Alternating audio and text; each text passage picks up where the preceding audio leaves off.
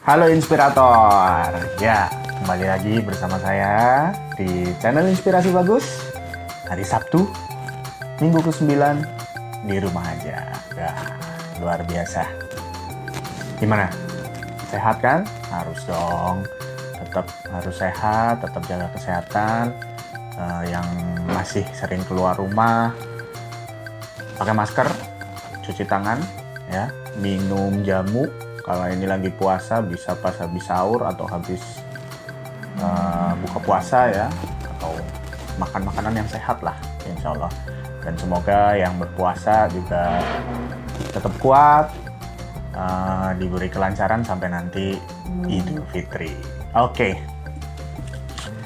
Uh, kali ini saya kepengen bahas tentang uh, dari kemarin kita udah sering bahas tentang SMA, sudah sering bahas tentang kampus ya. Sekarang saya mau bahas tentang dunia pendidikan di SMP, sekolah menengah pertama. Nah, teman saya ini seorang guru di SMP, kemudian beliau juga seorang seniman puisi dan teater. Nah, nanti kita akan tanya-tanya mengenai gimana sih uh, sekolah SMP itu uh, belajar dan mengajar di SMP dan bagaimana sih dunia seniman, dunia seni di bidang puisi dan teater. Oke, kita langsung call saja Mas Gustaf Triono. Gustaf. Nah, ini dia. Sip. Mudah-mudahan langsung diangkat. Yatri, sehat selalu. Tekan tombol apa? Halo, selamat pagi. Assalamualaikum. Halo, Mas. Halo, Halo, Assalamualaikum. Halo, Assalamualaikum warahmatullahi wabarakatuh, Mas. halo. Waalaikumsalam warahmatullahi wabarakatuh. Oke, sehat Mas Gustaf? Alhamdulillah. Ya, lawas banget ya, nggak ketemu. Iya, ketemunya di udara saja. Iya, ya. ketemunya di media sosial banyak. doang. Iya. Oke, gimana? eh, aktivitas masih seperti biasa atau di rumah aja? Iya, kadang-kadang di rumah saja, kadang-kadang terpaksa ya harus beraktivitas di luar juga. Iya, masih ya. Ngajar gimana, Mas? Eh, ngajar ya sementara lewat dari rumah saja. Ah, ini yang kepengen saya tanya, Mas. Iya. Jadi eh, sebelum-sebelumnya eh, saya itu udah sering ngobrol sama guru SMA, sama dosen di kampus. Nah, yang belum pernah itu saya sama guru di jenjang sekolah menengah pertama SMP. Ya. Gimana nih aktivitas sekolah online atau belajar mengajar online di SMP? Eh, apa saja suka dukanya? Kemudian kendalanya apa, Mas? Iya, kalau di saya sebagai guru SMP mengajar dari rumah, ya seperti dengan yang lain itu yang menggunakan eh, media sosial Mm-mm. dan ya pokoknya aktivitasnya hubungannya komunikasinya jelas eh, lewat media sosial. Mm-mm. Ya, Tadi ada kemarin ada penugasan juga ya. Iya. Ya anak perlu belajar mandiri kemudian diberi tugas. Ah-ah. Kemudian kalau ada anak kesulitan atau ada yang tanya ya bisa untuk eh, chatting itu lewat WA. Gitu. Oh, pakainya WA ya. Untuk untuk Iya. apa mengerjakan tugas-tugas mengumpulkannya itu melalui WA juga atau ada aplikasi Iya, lain? Ya ada, ada yang modelnya mungkin eh, suruh mengerjakan di LKS atau mungkin di buku Hmm, ada hmm. tugas-tugas itu difoto hasilnya. Oh, gitu. Kemudian ada juga yang eh, pakai eh, Google Form gitu kan. Oh, Ya, ada seperti pakai. Google Form ya. Heeh. Ya. Terus ada juga eh, tugas yang membuat proyek, Proyek. proyek ya dia. Heeh. ke anak-anak untuk membuat eh, poster misalnya poster Oke. untuk eh, tentang apa pencegahan COVID COVID-19. Oh ya, siap siap siap. anak-anak rekreasi. Oke. Karena kalau kalau terlalu berat itu kan juga dilarang oleh uh, Pak Ganjar. gitu Iya, kan. sama Pak Ya, Gubernur ya. Iya. Jadi ya, yang yang simpel-simpel aja. Yang penting apa tetap continue. Tiap Tep- minggunya tetap ada tugas, tapi ya ringan-ringan saja. Tapi capaian pembelajarannya tetap tetap Nah, tercapai itu. ya. Ya, itu juga menjadi masalah. Tidak Oh. semua eh, melaporkan, Hmm. ya karena pertama mungkin eh, kendala WA ya, Mm-mm. sama HP-nya yang Android mungkin tidak punya.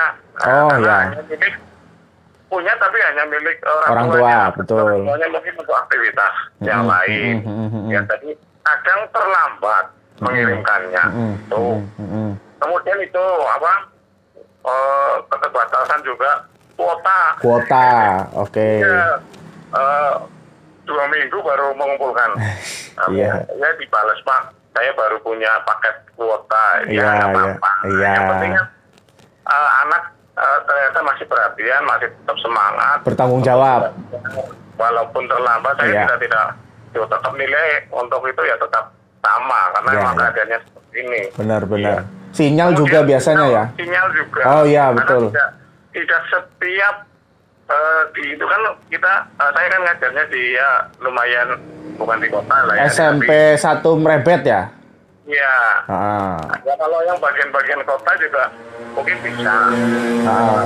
Angka gitu sinyalnya. Tapi untuk yang agak yang eh, gunung-gunung gitu kan, Ah, eh, sinyal juga tergantung. Iya, iya. Tergantung apa? Eh, kartu yang digunakan. Betul. gitu. Merebet itu kan juga udah termasuknya dataran tinggi ya?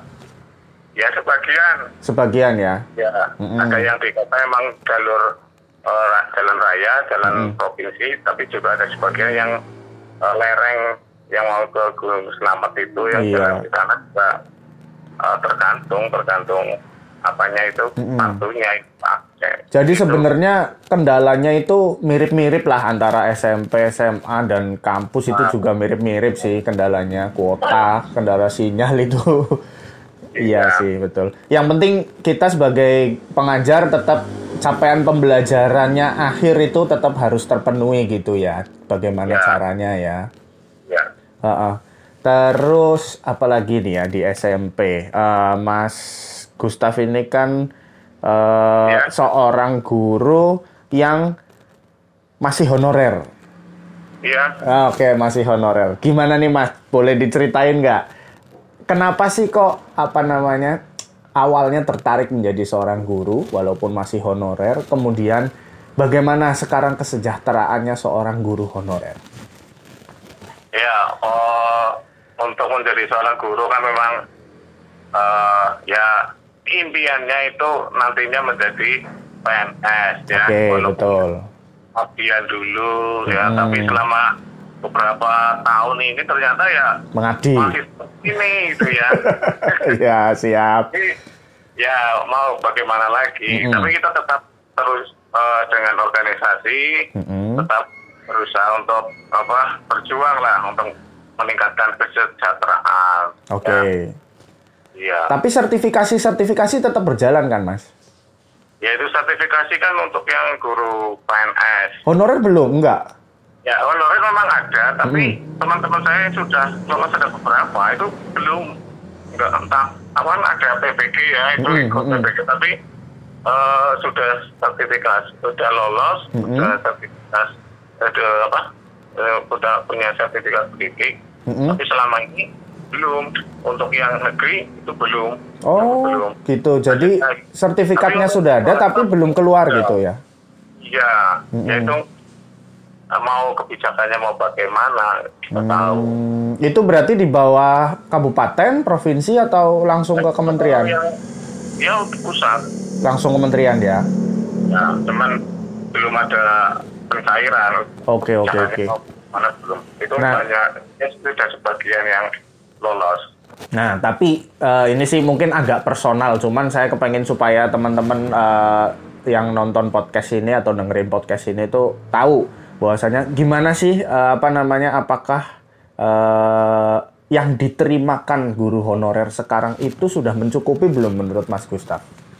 Ya, memang sih kalau apa kecukupan ya belum ya belum belum belum sampai UMR tapi Hmm. sudah eh, secara bertahap memang ada perbaikan kita Oke. tidak tidak bisa eh, apa eh, mengelak bahwa ya alhamdulillah setiap tahun ada perbaikan Amin, Ya. alhamdulillah. Ya. Ya.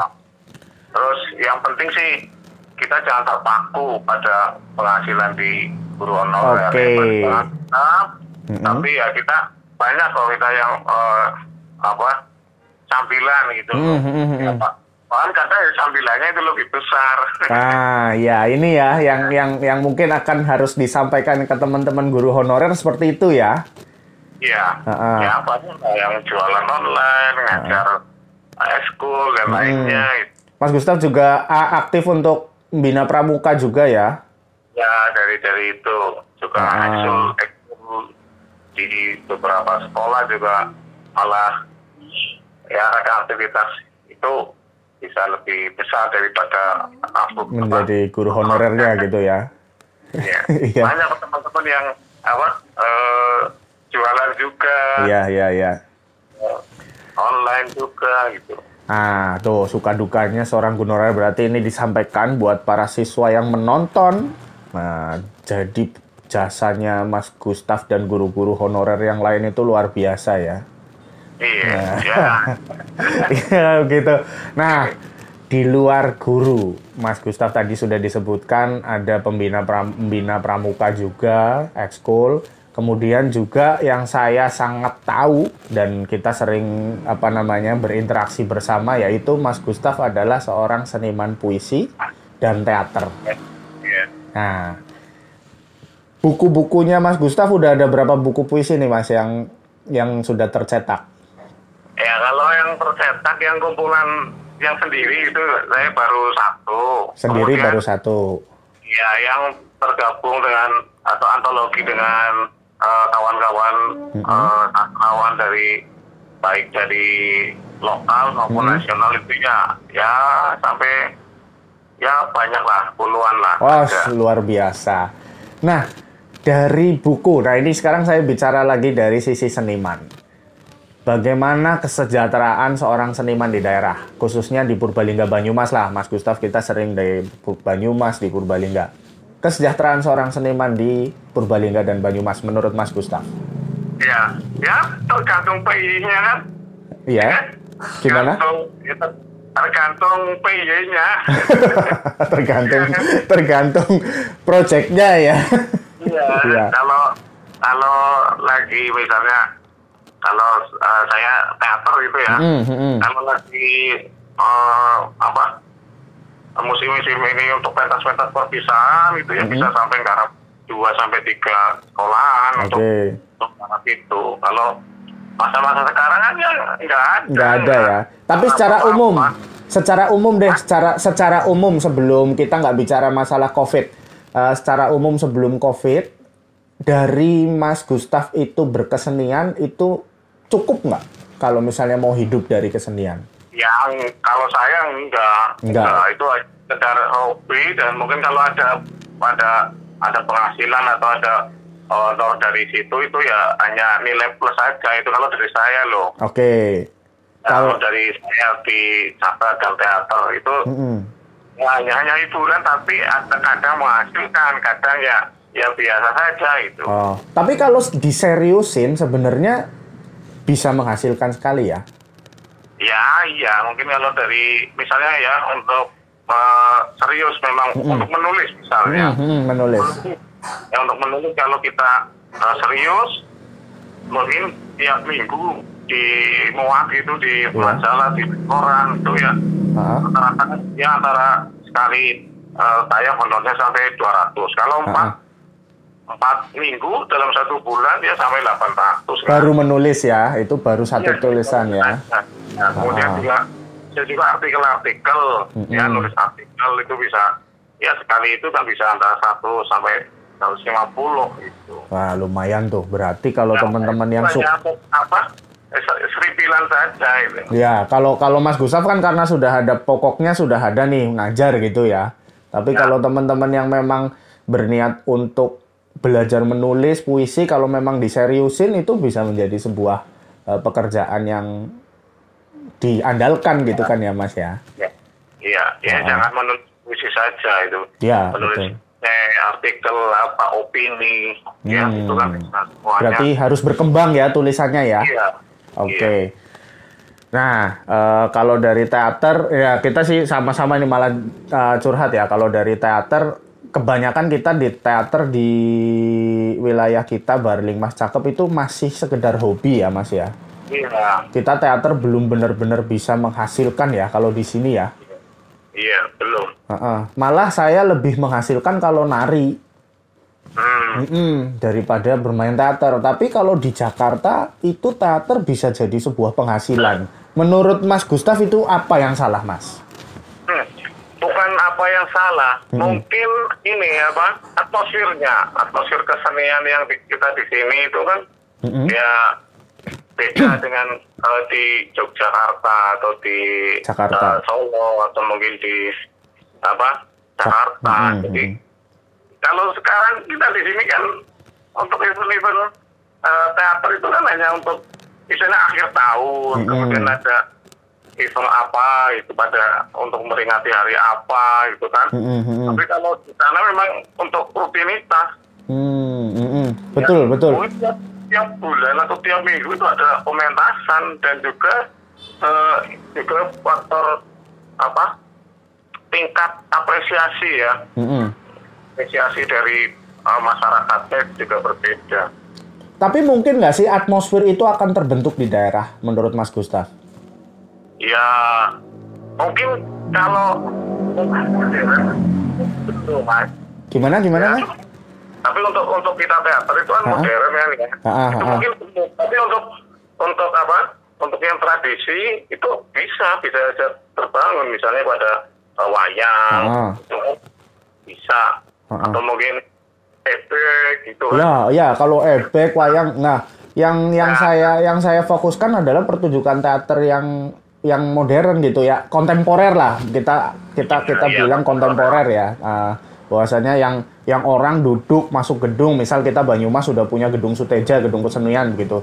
Orang duduk beli tiket nonton teater setiap minggu, mungkin nggak, Mas? Ya mungkin untuk kalangan apa pelajar sama mungkin mahasiswa saja. Mm-mm. Kalau untuk masyarakat umum Belum itu ya? sepertinya belum. Selama ini udah berapa tahun saya dari kuliah sampai sekarang berteater ya paling hanya event-event tertentu saja. Ya, ya, Dan ya. penonton juga kalangan apa ya dalam tanda kutip ya yang terpelajar sama eh, pegiat seniman itu sendiri. Nah, untuk untuk masyarakat umum sepertinya belum. Tapi Nah. gini mas, zaman dulu saya masih nonton Mas Gustaf, Mas Gustaf main, saya belum Ya. saya belum jadi apa-apa lah. Saya masih anak pelajar SMA, ada mungkin kuliah semester-semester awal. Saya kan suka nonton teater zaman itu. Pertunjukan teater itu menjadi sebuah prestis bagi mahasiswa loh mas.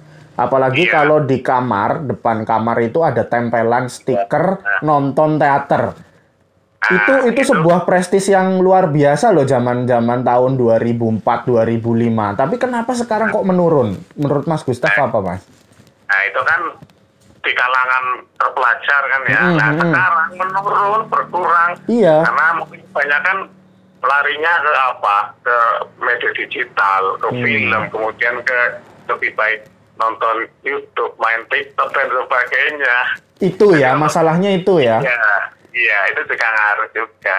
nah makanya mungkin nah ini sekarang saya nyambung saya nyambung nah mulai nanti sore sampai hari Senin ada sebuah pementasan online di Purbalingga betul Iya betul. dengan tajuknya yaitu Kangen Manggung Seniman Kuat Ya. Corona Minggat Iya betul. Nah, harapannya apa nih Mas dari dari pementasan ini? Saya saya juga takjub nih. Wah, Purbalingga berani nih Banyumas belum ada nih Purbalingga bisa Ah. pentas itu. Itu gimana harapannya Ah. Mas? Ya ini eh, event ini kan eh, ya saya secara eh, eh, juga sebagai salah satu panitia, panitia di Ya, situ. Saya- narah hubung ya, sebagai narah hubung. Ya. Dan dari acara juga ini pertama untuk memfasilitasi eh, teman-teman seniman untuk berkarya, walaupun karyanya tidak ditonton orang banyak karena kita tidak boleh kan mendatangkan kerumunan. Betul, betul. Ya, kita juga tetap eh, menjaga jarak, Mm-mm. eh, menggunakan masker dan sebagainya sesuai protokoler eh, masa pandemik ini. Iya. Ini untuk menampung karya tetap berkarya. Mm-mm. Ya, kemudian yang kedua untuk ini sebagai rasa empati simpati kita untuk eh, apa eh, teman-teman kawan-kawan yang terdampak adanya COVID-19 ini. Ya. Jadi melakukan apa penggalangan donasi, penggalangan dana. Mm-mm. Itu. Dan juga yang ketiga ya untuk hiburan ya, Mm-mm. untuk hiburan Oke. masyarakat tengah wabah ini. Berarti ini tujuannya ke penggalangan donasi atau memang eh, untuk eh, penghasilan dari seniman, Mas? Untuk penggalangan, penggalangan donasi. Awal ini untuk penggalangan dulu berarti ya. Ya, ya. Tapi mungkin nggak kalau misalnya ternyata ini sukses secara online Ya. ini sukses banyak yang nonton, suatu saat ini menjadi habit baru atau kebiasaan baru, seniman nanti akan bisa pentas secara online dan bisa mendapatkan uang di situ. Seniman tradisi, Ya. eh, kita bicara seniman tradisi. Ya, kita tidak tahu ke depannya. Mungkin bisa juga, bisa juga medianya berganti menjadi media eh, secara online, secara digital, secara virtual itu bisa Mm-mm. juga. Makanya ini kita coba ya, eh, maksudnya sekalian eh, buat teman-teman yang nonton eh, podcast ini nanti apa namanya, mulai nanti hari Sabtu tanggal 16 Mei ya. Ya, mulai setengah empat sampai ya kurang lebih jam lima menjelang uh, maghrib lah. menjelang buka puasa, kemudian eh, hari Minggu juga Ya sama syarat eh, Sama. tiga hari. sampai hari Senin ya. Berarti 16 sampai 18 Mei ya. Ya silakan untuk eh, teman-teman nanti yang Mm-mm. nonton di- juga di apa flyernya juga aku juga di medsos ada eh, nomor rekening ya silakan untuk berdonasi. Oke, berdonasi. Tujuannya nanti untuk masyarakat yang terdampak. Ya, terutama ini untuk masyarakat seniman yang terdampak. Nah, Adanya- itu maksudnya. Maksudnya ke situ berarti lebih khusus lagi masyarakat terdampak itu adalah masyarakat seniman ya. Ya, Oke. ya. Karena kita eh, dari teman juga ada yang mem- membuat apa eh, dokumenter ya ternyata seniman EP gitu kan mungkin Mm, mm, mm, hampir, hampir berapa yang biasanya mentas mungkin dua minggu itu belas tidak ada eh, penghasilan ya. Betul. Nah itu kan kasihan juga. Kemudian eh, seniman yang terdampak juga mungkin yang eh, sudah sepuh ya, Mm-mm. sudah sudah tidak bisa beraktivitas untuk berkesian lagi ya itu juga nanti mendapat prioritas Ya.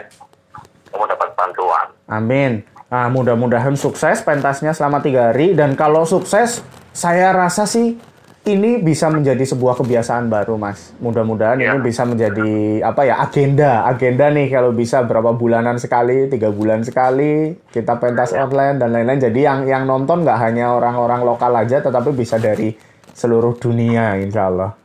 Iya. Amin gitu. Karena kita eh, apa melihat dari Pak Ganjar yang mengadakan eh, semacam ini, Iya betul betul betul.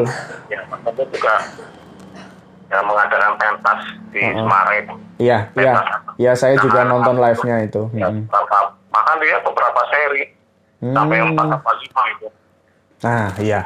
Mudah-mudahan ini bisa diikuti juga oleh seniman-seniman lain di Jawa Tengah maupun di seluruh Indonesia, eh, terutama seniman tradisi, eh, supaya bisa tetap eh, apa ya, tetap tetap tetap produktif ya, iya tetap berkarya produktif lah. Jadi nggak nggak mikir aduh nyong ngarep duit-duit sekangen di maning ya gitu bisa nana pentasan Iya. gitu ya. Iyalah, Ya Bismillah. sebenarnya di rumah saja misalnya tukang efek ya tidak manggung, tidak tampil, tidak ada apa eh PY itu, tapi Mhm. dia tetap bisa membuat membuat membuat kuda kepangnya. Iya gitu. Atau betul. Seniman lukis tidak bisa pameran, dia bisa melukis. Betul. Amin. Iyalah. Oke, Mas Gustaf, terakhir Ya. pesan untuk para siswa di Indonesia, terutama siswa SMP dan pesan buat para seniman di Indonesia. Apa, Mas? Ya, untuk anak-anak atau siswa ya tetap jaga kesehatan ya, jangan eh, tetap di rumah saja. Mm.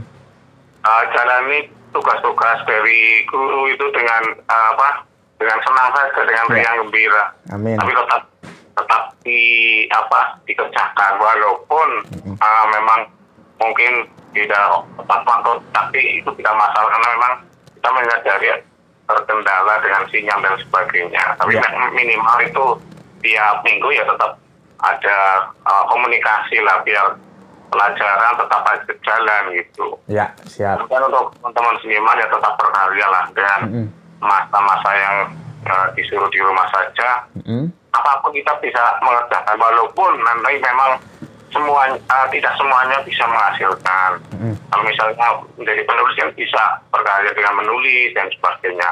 Ya, Penari juga ya, itu juga ada tantangan dari uh, penari Rianto juga kan yang Betul. di Jepang itu dia mengirimkan karya dari rumah, kemudian ada lomba juga. iya betul. Ya, jadi banyak banyak mungkin kebiasaan-kebiasaan itu berubah memang pada saat-saat ini Iya, dan semoga ya eh, keadaan ini bisa eh, apa, segera berakhir sehingga amin. kita semua aktivitas. Ya anak-anak siswa juga rindu pak kapan untuk masuk sekolah itu. Iya. ya. Kita juga rindu sekali kan? Iya. Buat ngajar di kelas. iya. Iya. Ah, iya. Terima kasih Mas, Gus- Mas Ya. Gustaf. Mas- Mas- Sehat Mas- selalu. Moga sukses mengajarnya, sukses juga buat berkeseniannya, sukses juga nanti acara hari Sabtu sampai hari Seninnya. ya ya ya. Mudah-mudahan mudah-mudahan eh, seniman Purbalingga yang terdampak bisa terbantu dengan adanya acara itu dan mudah-mudahan ke depan mereka tetap produktif, diajak lebih produktif lagi dan Amin. bisa Ya. meng- menghasilkan eh, walaupun secara virtual, secara online. Ya. Siap. Oke. Makasih. Sampai ketemu lagi Mas Gustaf, kangen pentas Ya. lagi bersama. Iya, iya. Oke. Oke, oke, assalamualaikum. sukses selalu. Oke, Ya, sama-sama. Mas, sukses selalu. Nah, itu pesan dari Mas Gustaf Triyono, seorang guru honorer, tapi dia sangat semangat ngajarnya, kemudian tetap berkarya di keseniannya dengan menulis puisi, menulis artikel, kemudian ju- beliau juga eh, ngajar teater. Tetap berkesenian teater dan ini nanti sekali lagi hari Sabtu 16 Mei sampai 18 Mei 2020 jam setengah 4 sore di nanti akan saya tampilkan di apa eh, deskripsi ya di mana bisa ditontonnya. Yang jelas kalau mau follow Instagramnya ada @gustaftriono atau @dkp Purbalingga Dewan Kesenian eh, Purbalingga. Itu ada juga infonya di situ. Atau di Instagramnya Bu Bupati di Hayuning Pratiwi juga ada. Uh, informasinya untuk berdonasi dan lain-lain. Uh, semoga kita bisa support untuk seniman-seniman lokal yang terdampak COVID ini dan semoga bisa memicu mereka supaya bisa lebih berkarya walaupun di masa yang seperti ini. Uh, terima kasih. Sampai ketemu minggu depan di Inspirasi Bagus. Salam inspirator.